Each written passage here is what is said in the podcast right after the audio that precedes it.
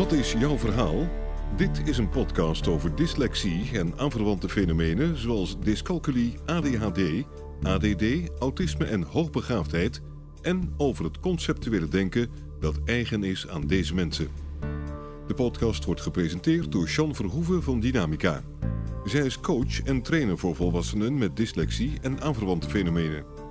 Ze gaat ervan uit dat mensen met deze fenomenen allemaal conceptuele denkers zijn. Als je dat weet en weet hoe dit denken werkt, is het mogelijk om een gemakkelijker en succesvoller leven te hebben en effectiever te kunnen functioneren in je studie of je werk. In deze podcast gaat ze in gesprek met mensen die hun eigen verhaal willen vertellen. Een verhaal dat gaat over labels, hun andere manier van denken, hun tegenslagen, de voordelen van het conceptuele denken en hun succesverhalen. Jean Verhoeven spreekt uit eigen ervaring. Ze heeft zelf dyscalculie, dyslexie en ADHD. Welkom Annemarie Preusting. We gaan het vandaag hebben over ADHD en het conceptueel denken. Of neurodiversiteit, zoals wij dat ook noemen. Vertel, wie ben je en waarom denk jij iets te kunnen vertellen over dit onderwerp? Mijn naam heb je al verteld, Annemarie Preusting. En ik heb praktijk in Utrecht, Mind Your Heart trainingen. Ik werk met mensen die vallen in de groep neurodiversiteit. En binnen die groep veel met stress. Dus dat is eigenlijk de specialiteit weer binnen de neurodiversiteit. Wat is volgens jou ADHD? En ook of je iets kan zeggen over hè, de, wat het is volgens het medisch model, zoals wij dat noemen. Hè, de, dan hebben we het over de DSM. ADHD volgens hè, het neurodiversiteitsmodel. Ja. En die modellen komen weer van Nel Hofmeester. Ja, mooie vraag. ADHD uh, volgens de DSM is een stoornis in de hersenen. De reden van die stoornis die is divers. Hè. Er zijn professoren die zeggen A en er zijn professoren die zeggen B. Er zijn ook even zoveel boeken over geschreven. Geen twee, maar wel honderden. Um, dus daar uh, zijn de meningen over verdeeld. In de DSM, dat is een handboek voor de psychiatrie, uh, waar stoornissen uh, beschreven staan. Ja, daar komt het erop neer dat het wordt gezien als een defect in de hersenen, wat ook niet gerepareerd kan worden hè, of gemaakt kan worden. En ja, dus eigenlijk is het een ziekte. Ja. Dus dat is één benadering. En een ziekte die niet uh, gerepareerd of opgelost kan worden, die kan je dus eigenlijk niet goed behandelen. Dus wat je kan doen is symptoombestrijding en uh, medicatie. En die medicatie werkt vaak goed hoor. Uh, maar dat is dus de ene kant van de, hoe ADHD gezien wordt door veel mensen. En steeds meer mensen, gelukkig wil ik bijna zeggen, uh, zien ADHD als een andere manier van informatieverwerking. En dan komt dat neurodiversiteit om de hoek kijken. Dat is net als biodiversiteit of neurodiversiteit klinkt als een heel ingewikkeld, moeilijk woord. Een beetje eng vinden mensen het soms. Maar eigenlijk gaat het over de diversiteit. Nou, dat is het nieuws tegenwoordig. Dus een heel gangbaar woord. En dan is de diversiteit in de hersenen. Ja. Dus de hersenen kunnen op verschillende manieren functioneren. En dat is zichtbaar en voelbaar en merkbaar in gedrag, in, nou ja, in gedachten, in een heleboel. Nou, als je ADHD uh, ziet, zeg maar, als onderdeel van neurodiversiteit, uh, ja, dan is het gewoon een, een, manier van informatieverwerking. Een andere manier van informatieverwerking misschien dan het gros van de mensen, dan de, de meeste mensen. Maar ja, is, er is niks mis mee, zeg maar. Het is niet goed of fout. Het is gewoon een andere manier. Ja. Maar omdat we in de maatschappij wonen, in Nederland, maar eigenlijk in de hele westerse wereld, en Nederland staat er ergens bovenaan, uh, leven we efficiënt leven. Het is een kennismaatschappij en alles moet efficiënt en effectief gebeuren. En dat betekent tijdsdruk op kan staan of prestatiedruk op kan staan. Uh, dat is een maatschappij. Uh, zo werken de hersenen van iemand met ADHD en alle mensen binnen de neurodiversiteitsgroep, die werken niet zo. Ja. Die werken niet op efficiëntie of op. Uh, die beginnen niet bij 1 en bij 2 en bij 3 en bij 4. Die lopen geen gebaand paadje. Ja. ja. het is meer holistisch denken. Dus zij zien alles, kunnen alles zeg maar als het ware tegelijkertijd uh, waarnemen. En dat betekent dat ze ook heel snel soms conclusies kunnen trekken of problemen kunnen oplossen. En, en dat gaat dus niet conform, zeg maar, een, een standaard manier van denken. Nou, die standaard manier van denken, dus het, alles in een systeem gooien en iedereen moet langs datzelfde paadje gaan lopen, dat zie je in het onderwijs terug, dat zie je eigenlijk overal in de maatschappij terug. Dat werkt minder goed voor mensen die in, binnen de neurodiversiteitsgroep vallen. En mensen met ADHD, waar we het dan over hebben, slash ADD, is eigenlijk gewoon een onderdeel daarvan. Ja, die kunnen dan buiten de boot vallen of zich niet begrepen voelen of zich niet gehoord voelen. Soms is dat ook terecht. Hè, mensen snappen elkaar niet. Ja. En als dat dan gebeurt, dan kunnen er allerlei gevolgen ontstaan. Hè? Dus als jij zeg maar van kleins af aan niet uh, gehoord wordt of gezien wordt of niet begrepen Ja. wordt, dan is dat, ja, dan doet dat wat met je. Ja. ja, en wat betekent dat dan met mensen? Nou ja, dat, en, en daar wordt het heel complex. Hè? Zeg maar, eh, 15 jaar geleden zou ik zeggen, ik weet alles van ADHD. Ik zal jou eens even vertellen hoe het zit, Jan. Ja, En eh, ik werk nu al zo. Ik heb zoveel gelezen, zoveel geleerd, zoveel trainingen gevolgd, studies gedaan. Ik ben nu bezig met trauma en met Ja. verslaving. Dus ik blijf bezig. ja, Ja, ik vind het steeds complexer worden, want de context is heel belangrijk. Dus als jij in een gezin opgroeit, zeg maar, waar de ouders eh, zeg maar ADHD hebben of hoogbegaafd zijn, hè, of, of binnen die neurodiversiteitsgroep eh, zich eh, bewegen, en dat helemaal oké en prima vinden en hun kinderen dat meegeven, dan krijg je zeg maar een, een andere opvoeding dan kinderen die niet begrepen worden. Of een moeder bijvoorbeeld die zelf last heeft van dat ze vroeger niet begrepen werd, zich afgesloten heeft het feit dat ze niet begrepen wordt. Nou, als je je afsluit, dan wordt het moeilijk om verbinding te maken. Een soort van stoer, sterk, dapper mentaliteit Ja. krijg je dan. En een soort van beschermingsschild om je heen. Als een kindje zo'n moeder heeft, dan is dat een hele andere opvoeding. En als die moeder zo bang is dat het kindje ook net zoveel pijn gaat lijden als zij... en zij gaat dat kindje constant maar corrigeren... omdat het kindje binnen die over datzelfde pad moet gaan lopen... wat haar nooit gelukt is. Maar ja, Ja. zij wil dat kindje die, die pijn besparen. Ja, dan krijg je allemaal, zeg maar, effecten... die toegeschreven worden aan ADHD. Maar je kunt je afvragen of het wel ADHD is. Nou, het is hetzelfde. Hè? Ik vertel net over verslaving. Er wordt bijna, binnen de GGZ, hè, wordt bijna één op één gezegd... comorbiditeit is verslaving. En de Eh, comorbiditeit is een samenloop. Hè? Als je en ADHD hebt, Sorry, betekent ja, dat, dat het per een- definitie een- een, eh, eh, ja, ook verslaving eh, Precies. ja. In, binnen de GGZ wordt eigenlijk gezegd dat een stoornis nooit alleen komt. Je Ja. heeft altijd broertjes en zusjes. En dat is dan het ingewikkelde woord daarvoor is co-morbiditeit. En dan heb je dus nog allemaal andere aandoeningen. En dat is niet mijn woord, maar het woord binnen de GGZ. Ik ben nog geen verslavingsdeskundige, bijna. Eh, Ik ben daarmee bezig. Ik kan wel vertellen, ADHD hebben en drinken bijvoorbeeld, alcohol gebruiken of drugs gebruiken, gebeurt beide, doen dat vaak om het hoofd stil te krijgen, Ja. om rust Ja. te krijgen in het hoofd, om, om te verdoven. En eh, dat is iets anders dan dat je echt zeg maar drinkt om het moeten drinken. Ja. Dat er vervolgens een verslaving kan ontstaan als je maar lang genoeg oefent, dan ontstaat er vanzelf die verslaving. Ja. Maar de reden is eigenlijk is het weggaan van wat er is. En niet kunnen omgaan met dat drukke hoofd. Dus Ja. vermijden. Omdat ik eh, ook, we hebben een hele mooie podcast eh, met Joël, hè, daar moest ik meteen aan denken. Drugs gebruikt om dat hoofd stil te krijgen. Ja, Ja, ja. dus dat, eh, en dan is wel, ben ik eigenlijk dus meer mijn nieuwsgierigheid. Weet ze dat in de grote wereld, dat het zo draait? Zo werkt, dat we, dat we drugs gebruiken om het hoofd stil te krijgen, al, of alcohol gebruiken om de drugs stil te Nou ja, hoofd wat mijn krijgen. ervaring is, niet. Hè? Dus ik krijg Nee, bijvoorbeeld een, jonge dame bij mij... eh, en die drinkt twee flessen wijn om in slaap te kunnen vallen... en komt vervolgens bij mij. Tegelijkertijd meldt ze zich aan bij het AD- ADHD eh, Centraal in Utrecht. Oh ja. En daar werd gezegd, ja, maar wij kunnen jou niet be- behandelen... Ja. als je alcohol, als je moet stoppen met alcohol drinken. Maar zij zegt, anders kan ik niet slapen. Nou zeggen ze, dan ga je naar de huisarts. Dan ga je naar de huisarts, dan zegt die huisarts... ja, dan kan ik je slaappillen voorschrijven. Ja. Die slaappillen die verschrikkelijk verslavend zijn. Ja. Dus als iemand al verslavingsgevoelig is en, dat, en het wil verdoven allemaal... of dat hoofd stil wil krijgen... ga je het een verruilen voor het ander. Dan zal ik niet zeggen dat alcohol is natuurlijk heel ongezond. Hè? En, en je Ja. kunt echt verslaafd raken op den duur. Ja. Maar wat er gebeurt is dat, je, ja, dat er niet echt gekeken naar, eh, wordt naar wat er onderliggend is. Want als ik Ja. iemand bij mij krijg en die leert niet omgaan met haar eigen of zijn eigen hoofd en met het leven, Ja. Eigenlijk het is leren omgaan met jezelf, Precies. maar ook Ja. leren omgaan met het leven. En eh, daar horen gewoon dingen bij dat het soms niet zo leuk is of niet zo gezellig is of dat het pijn doet.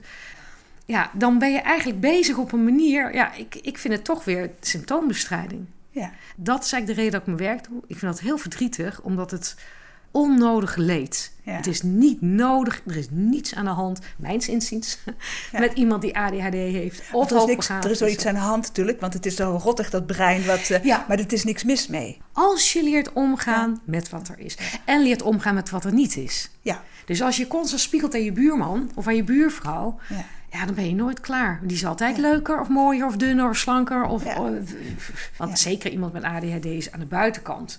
Ja. Ja, succesvol, Ja. snel, heel sociaal. Hij kan heel goed mensen lezen. Dus dat zijn mensen die aan de buitenkant, het ziet het er mooi uit. En thuis zijn ze soms echt, eh, nou bijna, ja, de angst zeg maar, of de eenzaamheid kan bijna existentieel zijn. En dat, is, dat gun je niemand natuurlijk. Ja.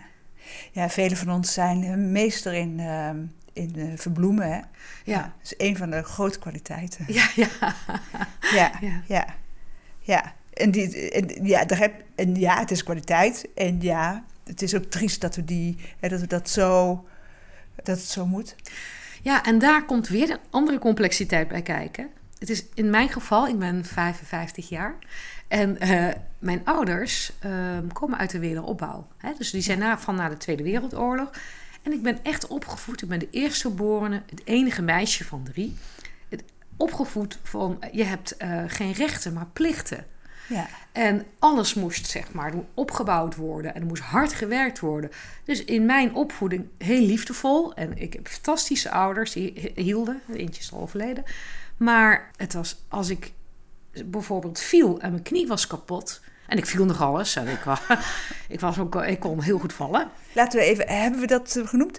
Eh, dat, dat je behept bent met eh, ADHD, hè? Dat, mogen we dat zo Ja, zeggen? nou, ja. ja. dat weet ik eigenlijk niet. Ik denk, Oh, ik tenminste, pas zo heb ik je leren kennen. Ja, nou, ik Ja. pas wel binnen die neurodiversiteit groep, zeg maar. Ik, ik. Mijn gedachte gaat over verwerking, zeg maar, van informatie. Is holistisch, gaat over de rechterkant. En ik ben ook een beelddenker. Maar eh, ja, of ik nou echt ADHD... Ik denk als ik nu zeg mijn test zou moeten doen... kom ik daar niet Ja. meer uit. Ja. En dat is weer GGZ. Je hebt pas ADHD als je er last van hebt. Ja, dat is natuurlijk onzin. Want Ja, ja, en precies. kinderen hebben wel ADHD en grote mensen niet. Eh, Dat begint dan nu een beetje. Je kunt zelfs ADHD hebben als je volwassen bent. Ja, je bent gewired op een bepaalde manier. En als babytje, en als ik nu 55 ben, is dat... Ik heb hetzelfde hoofd. Ja, Soms Ja. denk ik wel eens, had ik maar een ander hoofd. Maar die heb Ja. ik niet. nee. En dit nee. is waar ik het mee moet doen. Nee. Maar even voor de helderheid dat we niet praten over, maar ook vanuit Nee, onze nee, eigen ik ben wel ervaring. ervaringsdeskundige, Ja, zeker binnen. Maar in welk vakje? Ik denk dat dit het vakje is wat het beste bij mij zou passen als je een vakje zou willen noemen. ja. Het loopt een beetje elkaar over allemaal. Hè? Ja. Dat je nog alles valt en zo, dat is toch ook Ja. wel Ja. eh, iets wat we... Ja. Maar e- om even we terug te komen op het verhaal hè, van de opvoeding. Dat stoer, sterk, dapper is, is daar ontstaan. Niet huilen is complimentjes krijgen. En dan zei mijn vader ook nog een keer... Ja, en als vrouw heb je helemaal al een streepje voor. Als vrouw kan je alles. Dus de lat lag heel, heel, heel... Aan de ene kant fantastisch, hè? Zo'n Ja, vader. Die ja. droeg me ook op handen. Ik mis hem zeg maar tot op de dag van vandaag. Maar, en tegelijkertijd hield het in... Ja, dat ik was nooit kwetsbaar. Ja. Ik kon alles. Mm, ja. Het maakt het, die context is zo belangrijk. Om te gaan met ADHD of met neurodiversiteit. Van Ja. wat is er gebeurd in iemands leven? En hoe, wat heeft iemand meegekregen, zeg maar, als tools om ermee te leren omgaan Ja. of niet? En als je dat niet leert, ja, is het vaak vermijden. Dat is vaak een vlucht. Of vechten. Sommige mensen vechten altijd, altijd maar vechten. Ja. En daar zit, komt geen eind aan. Dat is heel vermoeiend. Ja. En vluchten ook, komt nog geen eind aan. Want ja, ja dat monstertje, weet je, Ja. je kan die deur daar wel dicht doen. Ja. Maar eh, er zit nog een kier daar, zie je dat? Nou, komt Sean nu de kier weer... eh, Ja, ja. ja. ja, en je zegt hè, het is heel vermoeiend. Het is, en dan wordt er nog eens gezegd, het is vermoeiend voor de omgeving. Maar eh, volgens mij is het meer vermoeiender voor de persoon zelf. Dus dat is hè, wat ik, hoe ik nou zie en hoe ik vroeger eh, was. Hè. Ik ben toch echt terug gestopt met een stuk vechten. Want daar was ik heel goed in. Ik snap nou ook waarom ik het altijd deed. Ja. Maar wat het oplevert als je kan stoppen met vechten. Ja. En vooral tegen jezelf, tegen je, tegen je brein, tegen je zelfbeeld, tegen je leven, tegen alles. Ja. Ja. En Ja. dat dat zo belangrijk is. Ja. Ja. Mooi. Ja. Echt mooi. Eh, Als ik zeg maar naast jou ga staan, dan was het bij mij was het denk ik minder vechten, maar meer vluchten. Ja. Ondanks mijn grote mond. Ja. Hè, want ik sta bekend om Ja. mijn grote mond. ja. En dat is eigenlijk Maar- ook wel mooi, want maar het jij was toch zegt... vluchten. Ja, ja, want jij zegt, ehm, eh, ehm, ik ben opgegroeid, hè, mijn vader zei vrouwen kunnen alles, je hebt de voorsprong. Eh, ik ben echt opgegroeid met hè, een moeder die zegt van, oh je bent een vrouw, dus ehm, gedraag je. Je kan en niks, Het, het- ja. ja, je kan niks. Nee, ja, je zorgt dat je op tijd trouwt en eh, kinderen krijgt. Ja, Nou, daar ben ik van uitgevlucht. Hè. ja. Of heb ik me uitgevochten, kan ik Mhm. wel zeggen. Ik ben niet, mm, en ik vlucht ook regelmatig daar niet van. Maar dat die strijd, hè, Ja. dus die, die je dan moet leveren, maar dat het in feite niet, ook weer niet uitmaakt in wat voor nest je komt. Of je nou wel, hè, of je uit een sterk nest komt, of een wat eh, zwakker nest. Ik zeg dat verkeerd, maar jullie begrijpen dat vast wel hoe de- eh, wat ik bedoel. Je gaat of vluchten of vechten eh, tegen dat brein, tegen dat lijf. ja. Ja, Ja, is denk ik wel in binnen de neurodiversiteitengroep zie je dat mensen, eh, dat zijn toch voornamelijk, hè, vaak zijn be- beelddenkers, of in ieder geval zijn het geen woorddenkers, laat ik het zo Ja. zeggen. ja, Daar heb je bij ADHD komt daar nog bij dat het gevoel meekomt in die verhalen. Dus als je het gevoel hebt dat je ja, er toch alleen voor staat, om wat, Ja. of het nou terecht is of niet, daar gaat het Ja. helemaal niet om. Hè? In jouw ervaring is dat zo. ja. Doordat dat gevoel ook zo sterk va- aanwezig is in al die verhalen, ja, kunnen mensen het wel heel erg moeilijk hebben. Ja. Had net hè, dat het brein is een onderdeel van die eh, ADHD Ja. en die neurodiversiteit. Maar toch hè, eh, doe ik het hier een beetje specifiek over die ADHD, omdat ik dat belangrijk eh, vind. Mhm. En dan zeg je ook, met dat gevoel, met ADHD hebben we ook dat gevoel. Mhm. Kan je daar wat meer over vertellen, hoe dat zit? Ehm, als het gevoel zo... Hè, dus je, je bent beelddenker, dus je gaat Ja. in verhalen. En nou, ehm, stel ik kom hier binnen en jij zegt... eh, jij nu maakt je een compliment toen ik binnenkwam. Ja. Van, wat zie je er goed uit. Stel dat jij nou zegt... Goh, wat ben je dik geworden? Of nou, gaat het wel goed met je? Of, eh, en dat triggert dan wellicht iets van kritiek krijgen. Nou, die kritiek die heb ik al vanaf klein meisje af aangekregen. Hè, eh, moeilijker bezien als, oh, dus iemand die kritiek heeft, nou, dan moet je dan weten. Weet je, zal Ja. mij wel we- worst wezen. Nee, ik trek me dat persoonlijk aan en haal dan ook nog eens een keer, omdat ik zo snel denk en omdat het triggers zijn natuurlijk, Ja. komen al die, die momentjes die komen, zeg maar, en masse terug. En, en ineens is jouw ene opmerking van, goh, ben je aangekomen? Die komen bij mij binnen als, eh, nou, alsof ik ongeveer zo onthoofd word voordat ik überhaupt de podcast Ja. begin. Nou, dat is zeg maar wat mensen met ADHD kunnen hebben. Ja. En dat is heel ingewikkeld om dat uit te leggen aan artsen of aan psychologen of aan psychiaters of aan je partner. Ja. Zelfs die partner snapt het niet. Ja. Eh, Die het zelf niet hebben, hè? ik, Hebben. ik heb vroeger wel meegemaakt dat ik onzeker was en dat mijn man boos werd. Omdat hij zei: Ik zou willen dat ik, dat ik kon wat jij kan. En dan denk ik: Ja, wat heb ik daar nou weer aan? Omdat hij niet kon begrijpen dat iets goed ging, zou ik mezelf een complimentje moeten geven. En dan kon ik nog denken: Het was niet goed genoeg of niet mooi genoeg. Of ja, maar. En morgen dan? Hoe gaat het dan morgen? Of is dat weg? Ja. Hè? Maar ik weet wel dat heel veel mensen dat hebben met neurodiversiteit en met ADHD. Ja. Zeker. Ja, en daarom is het ook zo belangrijk dat het hè, benoemd wordt, vind ik. En dat, hè, en dat is natuurlijk wat jij en ik allebei doen in ons eh, werk ook. Maar dat het, ehm, eh, als je niet beters weet dan dat jij de enigste bent, hè, wat ik heel vaak hier in mijn werk krijg, hè, van, oh, ik dacht dat ik de enigste was. Oh, hetzelfde als ik. Oh, oh, dus ik ben normaal. Hè? En dat zijn jongeren, maar het zijn ook ouderen die dat zeggen. Dus dat je je hele leven meetornt dat je niet normaal bent. En dat, je niet, dat, jij, dat het aan jou ligt dat je het altijd verkeerd doet. Ja, Drie jaar geleden ben ik erachter gekomen dat het niet ADHD is, of mijn onhandigheid, of mijn slordigheid. Het vloeide gewoon heel erg. Waardoor ik ook altijd moe was. Maar omdat ik altijd dacht, het is mijn eigen schuld, het is mijn onhandigheid. En dan ben ik een vrouw en ik leef al heel lang met heel veel vrouwen. En het is echt niet een onderwerp wat ik uh, mijd. En ik heb het nooit met iemand besproken. Maar puur omdat ik dacht, het is mijn eigen schuld, het is mijn eigen onhandigheid. Ja. Ik moet gewoon vaak naar de wc. Ik zat verdorie elk half uur op de wc. Hè? Ben ik zo zelfbewust. Ja. Nou, en dan denk ik, hoeveel mensen lopen er met zulke problemen... en dan maar denken dat dat van jou is. Ja, en dat is wat ik bedoel met complexiteit. Ja. Het is, er komt zoveel. eh, Dit kan je niet eens bedenken, zeg maar. Nee, nee. En, maar dat gebeurt wel in het hoofd van de mensen. Dus het hoofd van de mensen. Ergens ontstaat er. Door een gebrek aan verbinding, of door een gebrek aan liefde, of door een gebrek aan het gevoel dat er. Hè, het, het, ik zeg niet het allemaal echt zo is, maar in ieder geval in de ervaring ontstaat er dat schild of dat scherm of, of dat stoer, sterk, dapper, het gevoel vermijden. Ja. Want dat gaat toch wel vaak gepaard met niet begrepen worden en dat doet pijn. En als je dat gevoel gaat vermijden en het idee hebt dat het aan jou ligt, dan ontstaat er eigenlijk een gebrek aan zelfliefde. Aardig zijn voor jezelf is wat heel veel mensen die ik zie geen flauw idee hebben wat het betekent. En als ik daarmee ga werken, ja, de zelfhaat zeg maar wordt zichtbaar. Ja. En dat, daar komen ze niet mee. Ze komen met, ja, ik heb altijd ruzie met mijn baas. Of eh, ik kom altijd te laat. Of, eh, en ze komen met, met zeg maar praktische zaken. Ja, ik werk heel veel met ACT nu, hè. eh, Acceptance and Commitment Therapy. Waar het om gaat, is leert omgaan met wat er, er niet is. En ook leert wat je patronen zijn. Dus dan heb je patronen en die herhaal je en die herhaal je. Heb je geen flauw idee dat je dat doet. Ja. En dat maakt eigenlijk niet zoveel uit. Je volgt een training daar, een cursus zus, een cursus zo. Als dit niet wordt benoemd, als dit niet wordt getackled... Heeft, hebben eigenlijk al die trainingen en die cursussen en die therapie... en die, die ja, geen zin. heeft eigenlijk geen zin. Ja, weten we hoe lelijk je denkt over jezelf. Ja, Ja, en mensen schrikken er nog als van. eh, want je weet hoe lelijk je denkt, in feite. Ja. Maar als ik dat benoem, eh, valt dat mee. En vervolgens komen ze... Ja, het is toch nog wel erger dan ik dacht. Ja. Hè? Of Ja. dan, eh, na een tijdje...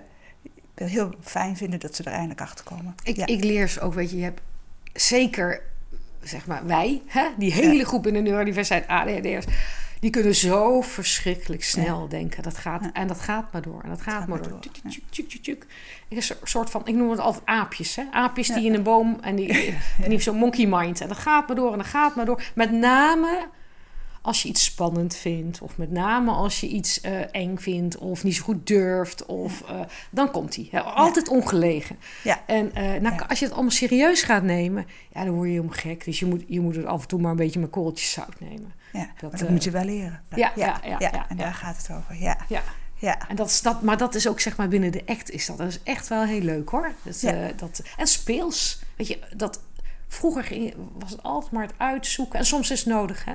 Soms moet je zeg maar de regressie in of moet je net. Maar, Ja. maar ik ben er nu ook van overtuigd dat het lang niet altijd nodig is. Ja. Dat je Ja. ook gewoon kan zien zeg maar hoe je het doet. En dan de bereidheid hebben om het anders te doen. Ja, dat is aan jou. Dat Ja. kan ik niet voor je doen. Nee. Ja. Merk je dat nou ook in je werk? Dat je, eh, doordat je zelf een hele hoop doorgemaakt hebt, dat klanten dan ook gemakkelijker met je meegaan? Ja. Ja, Het leuke vind ik nu wel, eh, door ja, je eigen professionaliteit, dat ik zelf ook door dingen heen kan prikken. Ja. Makkelijker. Hè? Dus sommige mensen vertellen een heel verhaal, verschrikkelijk en zo.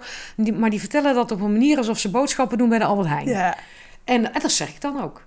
Ik kan daar dan niks bij voelen. Ik kan er helemaal. Ik denk, ja, ja. Nou, weet je, dus dit heb je al honderd keer verhaald en nu. Dan Ja. moet ik het nou gaan oplossen voor jou. ja, En dan, eh, dan benoem ik dat ook, hè? ja. Ja. Hoe weet je nou of je ADHD hebt, of dat het een angststoornis is zonder ADHD, eh, of dat het een depressie is? mijns inziens, eh, en daar zal dus niet iedereen het mee eens zijn, maar ik ben daar dan toch wel behoorlijk van overtuigd. Het is niet zo relevant. Ik heb de test liggen om te diagnosticeren of je ADHD hebt. Maar ik geloof zelf niet in de test. Want die test eh, die meet gedrag. Dus, maar gedrag is een gevolg van. Dus dat zegt helemaal niks over je brein. Dus als jij constant weggaat van dat drukke brein, door nog meer te gaan doen, nog, nog drukker te hebben, dag en nacht bezig zijn, weggaat van je gevoel, op een gegeven moment god niet meer weet waar je nog mee bezig bent, vervolgens instort, vervolgens dan maar weer gaat zuipen, vervolgens dan maar weer doorgaat. Nou ja, ik blaas het even op, hè. Ja, ja. Ja, dan kun je overal vinkjes bij zetten. Ja. Dat is gedrag. Eerlijk gezegd vind ik het niet zo relevant of iemand een uh, diagnose heeft of niet. En ik vind de diagnoses vaak erg sumier gesteld en snel en makkelijk, ja, middels draganalyse. Ja. En soms wordt er ook wel naar de hersenen gekeken. Maar ik ken onderzoekers die zeggen van tevoren: ik ga een onderzoek doen denk namelijk dat er dat en dat uitkomt. En die hebben altijd gelijk. Dus het komt altijd uit. Is het, is het resultaat van het onderzoek dat ze bevestigd worden in wat ze denken. Ja. Hoe is dat voor de mensen zelf? Moeten ze zich wel laten diagnosticeren, niet laten diagnosticeren? Of... Voor sommige mensen is het heel erg fijn, voor veel mensen, om een soort van erkenning te krijgen. ze voelen zich eindelijk gezien. Ja. En daarom gebeurt er dit, of daarom begrijpen mensen me niet, of daarom ben ik eenzaam, of daarom moet ik altijd huilen, of nou, whatever, hè, wat je probleem dan ook is. Uh, dus dat is vaak die erkenning is fijn. Ja. Maar dan begint wel het probleem. Want dan gaan ze zoeken op internet. En dat is één beerput van ellende over hoe, wat, hoe verschrikkelijk erg het wel niet is als je ADHD hebt. Ja. Eigenlijk kun je jezelf gewoon gelijk gaan afschrijven. Dat is, uh, hulpverlening is ook niet altijd adequaat, omdat er veel gekeken wordt naar gedrag. En niet dieper gegraven wordt en verder gekeken wordt wat er nou onderliggend is. Als je echt de weg kwijt bent, kan het soms wel even helpen. Uh, je had het net over depressie. Als je echt in een depressie zit en echt niet verder kan, dan kan het echt wel even fijn zijn om medicatie te krijgen. dat geldt voor ADHD ook. Soms kan de medicatie ervoor zorgen verder gaat kijken dan de slachtofferrol. He, want die slachtofferrol is toch waar veel mensen in belanden. Als je daaruit wil komen, ja, als het maar elke keer je, draait in dat cirkeltje rond en je kunt daar niet uitkomen, dan kan het soms even, eh, doordat je die Ritalin of whatever wat je dan ook krijgt, gaat gebruiken, kan het soms, zeg maar, dat je net dat stapje zet om ook verder te kunnen kijken. Wees je bewust van als je zeg maar een diagnose wil, nou dan, dan veel mensen krijgen hem ook wel, maar dat dat een, een bepaalde weg is en er is, er is meer keuze. Ja. veel mensen weten niet dat er ook nog keuze is. Dat je ook nog echt een heel leuk leven kan hebben zonder medicatie. En ik zeg niet dat het makkelijk is. Dan moet je het lef hebben, zeg maar, of bereid zijn om je eigen duiveltje in de ogen te kijken of je eigen monstertje. En die hebben we allemaal. Ja, ja, ja. We dus zijn zeker niet ik vind niet het is, dat het mijn, op mijn plaats... Ik, vroeger zou, was ik zeg maar tegen medicatie. Dat zal ik nu niet meer zeggen. Want voor sommige mensen kan het even nodig zijn. Maar wees je wel bewust dat het zeg maar helpt zolang je het slikt. En op een gegeven moment helpt zelfs soms niet meer. Maar ja, sommige mensen hebben er veel baat bij. Dus wie ben ik om dan te zeggen. En wat je eigenlijk zegt is, als je vastloopt in dingen, dat je niet de enige bent. En dat het heel uh, logisch is dat je vastloopt, omdat het ook nog heel erg lastig is om, om daar een, een weg in te vinden. Ja. Uh, en het andere is wat je zegt, is gebruik medicatie en blijf nadenken. Ja. En wat ik uh, belangrijk vind, want inderdaad, wij gaan er niet over uh, wie wat doet, dat jij degene bent die beslist. Ja, en dat, dit is wel, wat je nu zegt, is wel heel hard, hè? Want als iemand, zeg maar, dit, dit zal ik nooit zeggen in een eerste gesprek. Nee, ja, want nou, ik krijg wel eens hè, ehm, ouders zeggen: Mijn kind uh, zit op school en die moet uh, medicatie slikken, want anders moet hij van school af. En dan zeg ik: Weet je, school heeft dat niet te beslissen. Je moet niet aan de medicatie. Het is een hulpmiddel. En dat jij als volwassen of als ouders van je kind gaat kijken: klopt het, past het, hoe werkt het? Dat het niet iets is wat opgelegd kan worden. En dat het heel belangrijk is, en dat is ook belangrijk dat we dat leren, dat je daarin zelfbeschikkingsrecht hebt. Ja. Ik gun alle ouders, alle ouders, dat ze leren kijken naar het kind. Daarom werk ik niet met kinderen. Ja. Ik werk met volwassenen of jongvolwassenen. Ja. Omdat als je met volwassenen werkt die kinderen hebben, krijgen ze automatisch gratis en voor niks mee dat ze anders met die kinderen omgaan. Kort uitleggen wanneer mensen, hoe mensen weten dat ze in het slachtofferschap zitten. Want volgens mij weten mensen dat niet altijd. Maar het is een beetje een gevangenis. Je komt daar dan niet meer uit. Hè, dus een soort van, zit een soort van tralies voor. Als je echt denkt, doordat ik ADHD heb, verlies ik elke keer mijn baan.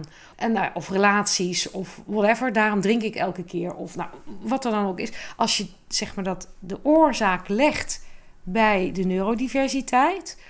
Ja, dan kom je daar natuurlijk nooit vanaf, want dat is jij, dat ben jij, dat is hoe je gewired bent, hoe jouw brein in elkaar zit. Als jij denkt dat dat de oorzaak is van alle ellende, ja, maak je het heel ingewikkeld om daaruit te komen. En dat is eigenlijk, dan weet je dat je, denk ik, in een, in een soort van slachtofferrol zit. Omdat je niet ziet dat je veel meer keuze hebt en veel meer. ja, voor wat er gebeurt in je leven. Zonder, er is geen controle mogelijk. We hebben, controle bestaat niet, daar ben ik echt van overtuigd. Hè? Dat is een illusie. Ik kan wel verantwoordelijkheid nemen. Ik kan een druk hoofd hebben of een vol hoofd hebben. Of ons, ik ben altijd onzeker. Of ik voor tien mensen spreek, voor vier mensen spreek. Of voor, ik heb ooit voor 600 mensen gesproken in de rij. Maakt niet uit. Hoe groot de groep ook is, ik moet altijd een drempel over. Ja. Als ik zou denken, of ik wil dat gevoel absoluut niet hebben, dan zal ik dat ook allemaal vermijden. Wat ik nu doe, is ga maar even plassen. Hoeveel niet te plassen? Dat zijn natuurlijk twee druppeltjes. Dat is stress noemen we dat. En eh, vervolgens ga ik er gewoon zitten. En als je dan eenmaal zit, dan is het ook oké. Dat heb je nodig, zeg maar, om uit die gevangenis te kunnen komen van je eigen demonen, van je eigen angst. Ja. Hè? En het wil niet zeggen dat het automatisch weggaat. Ik heb nog steeds een soort van ja, podiumangst, noemen we dat, denk ik. Hè? Omdat ik het zo belangrijk vind. Ik vind het zo verschrikkelijk belangrijk. eh, dat mensen begrijpen, er is niks mis met jou. Er is helemaal niks mis met jou. Wat voor plek stickertjes er ook opgeplakt zijn. Of het nou klopt of niet klopt. Dus slachtoffergedrag ja, is een mindset. Iets in je hoofd wat je Ja. doet. Ja. En stiekem, ja, voorkomt het ook dat je moeilijke dingen moet doen of nare dingen moet doen. Ja, dus het houdt je, zeg maar. Is dat zo dat we dan geen moeilijke dingen doen? Of is het zo dat we dan niet in oog hoeven te zien hoe goed je bent, eh, je kwaliteit hebt? Eigenlijk is het een soort van comfortzone om te, om te denken dat je niks waard bent. Of dat je niet, Ja. niet zo belangrijk bent of dat je niet Ja. meetelt. Een aangeleerde comfortzone. Ja, een aangeleerde comfortzone. Als je daar heel veel van doet, word je steeds beter. Wat je water geeft, dat groeit. Zo Ja. easy as that. Ja. Dus ik mediteer bijvoorbeeld. Nou, ja. ja, dat heeft mij heel, heel, heel veel gebracht. Want ik kon alleen maar heel druk en veel en nog meer en nog meer. Dus ik was daar steen goed in. Ja. Nou, als je dan toch de rust zo verlangt naar die rust, zo groot verlangen naar die rust, ja, hoe kan je dat dan bereiken? Nou, toch door te gaan oefenen. hoe ingewikkeld dat dan ook is in het begin. Ja. Ja.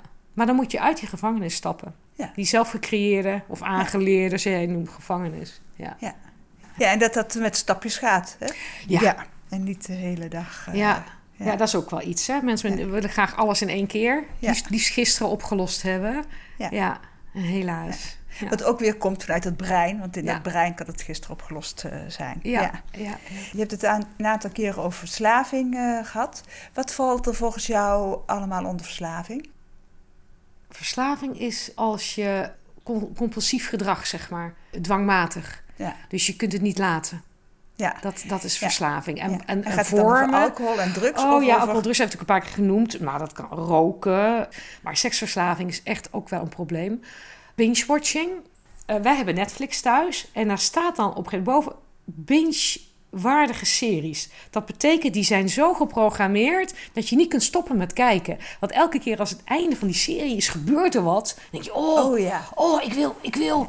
Ja. En vroeger had je op televisie elke maandagavond Tatort, zeg maar. En dan moest Ja. je een week wachten en dan kwam er weer Tatort Ja, op Netflix of dat soort kanalen, daar heb je er meer van. Mensen denken dat ze onderuit gezakt met benen op tafel, een biertje en, en, en een zak chips. Zo, dit is me-time. ja, Je brein is heel hard aan het werk. Dus het kan wel lekker voelen ja. voor de time being. Ja. Maar voor je brein ben je niet goed bezig, zeg Nee. maar. Als je je brein rust, als je wil leren dat dat brein ook wat op een lager Ja. standje kan. Ja. Maar ja, dus verslaving is breed. En ook als het je schade toeberokkent, dat je het niet kan laten. Als je Ja. weet, als je drinkt, ja, dan heb ik morgen een kater of dan kan ik Ja. niet opstaan of wat dan ook. Toch drinken. Als ik dan heel druk ben geweest, dan eh, denk ik, oh, vanavond mag ik kaas eten. Oh ja. En dat put me uit tot in de, in de dingen. Dus Kaas, daarvan word ja. ik rustig. Oh ja. Dus, dat, Oh, dus het ja. zit er me ook in die eh, kleine dingen. Denk, nou, is onschuldig, kaas mag. En dan is het ook nog geit of schaap. Hè? Dus dan eh, die verslaving zo zit in, in kleine dingen die eh, om ons lijf te ondermijnen. Om dat brein stil te krijgen. Dat, Maar eh, ik vind wel, hè, op zich, als je altijd heel, zeg maar, zo braaf bezig bent, hè, dus je eet gezond Ja. en je leeft gezond, je mag jezelf ook af en toe wel een gebakje gunnen. Ja, dat wel. Hè, ja, eh, maar om ja, het, weet ik, je. En ik gun mezelf een gebakje. Of ik doe het, eh, die verslaving heel breed is. Echt heel breed is. En sneaky. En sneaky. Ja, Ja, heel, ja, jij bent die, eh, ja. ja. En dat ik het ook nog steeds sneaky doe. Ja. Ehm, Annemarie, als afronding, wat is nou het allerbelangrijkste dat, dat mensen weten? Ja, het allerbelangrijkste is volgens mij Ja, uiteraard. eh, over hoe je ook op dit moment in het leven staat. Hoe zwart en hoe donker het misschien ook is. En al is het al één, één jaar donker of al is het je hele leven een drama. Eh, Ja. Neurodiversiteit of niet, eh, ADHD of niet. weet je, ik vind dat niet relevant. Iedereen de moeite waard is. Iedereen is de moeite waard. Iedereen heeft ook recht op een plekje. En iedereen heeft zijn eigen talenten en zijn eigen eh, mooie zaken. Ook als je dat nog niet kan zien. Ja. Dus soms kan je dat zelf niet zien of is het even weggestopt. Maar dat neemt niet weg dat het er niet is. Dus dat vertrouwen eh, dat dat er is, dat heb je misschien niet. Maar daar heb je wel mensen voor die je daar eventueel bij kunnen begeleiden. Dus eh, laat je nooit wijsmaken dat neurodiversiteit eh, een stoornis is en dat je hersenen ziek zijn. Ja. Want uh, mijns inziens is dat niet waar. Sterker nog, ik denk dat het echt fantastische mensen zijn. Dus jij bent ook fantastisch. Alleen heb je wellicht niet geleerd hoe je om kan gaan met, met de dingen die je tegengekomen bent. Ja. Nou, dus het is een kwestie van leren omgaan met jezelf, leren omgaan met, met het leven. En dat is niet altijd roosgeur en maneschijn. Dat kan soms best even pittig zijn. Ja, dat is wel wat, uh, ja, wat ik iedereen gun. En nou, heilig van overtuigd ben, ik doe dit, dit werk al 15 jaar.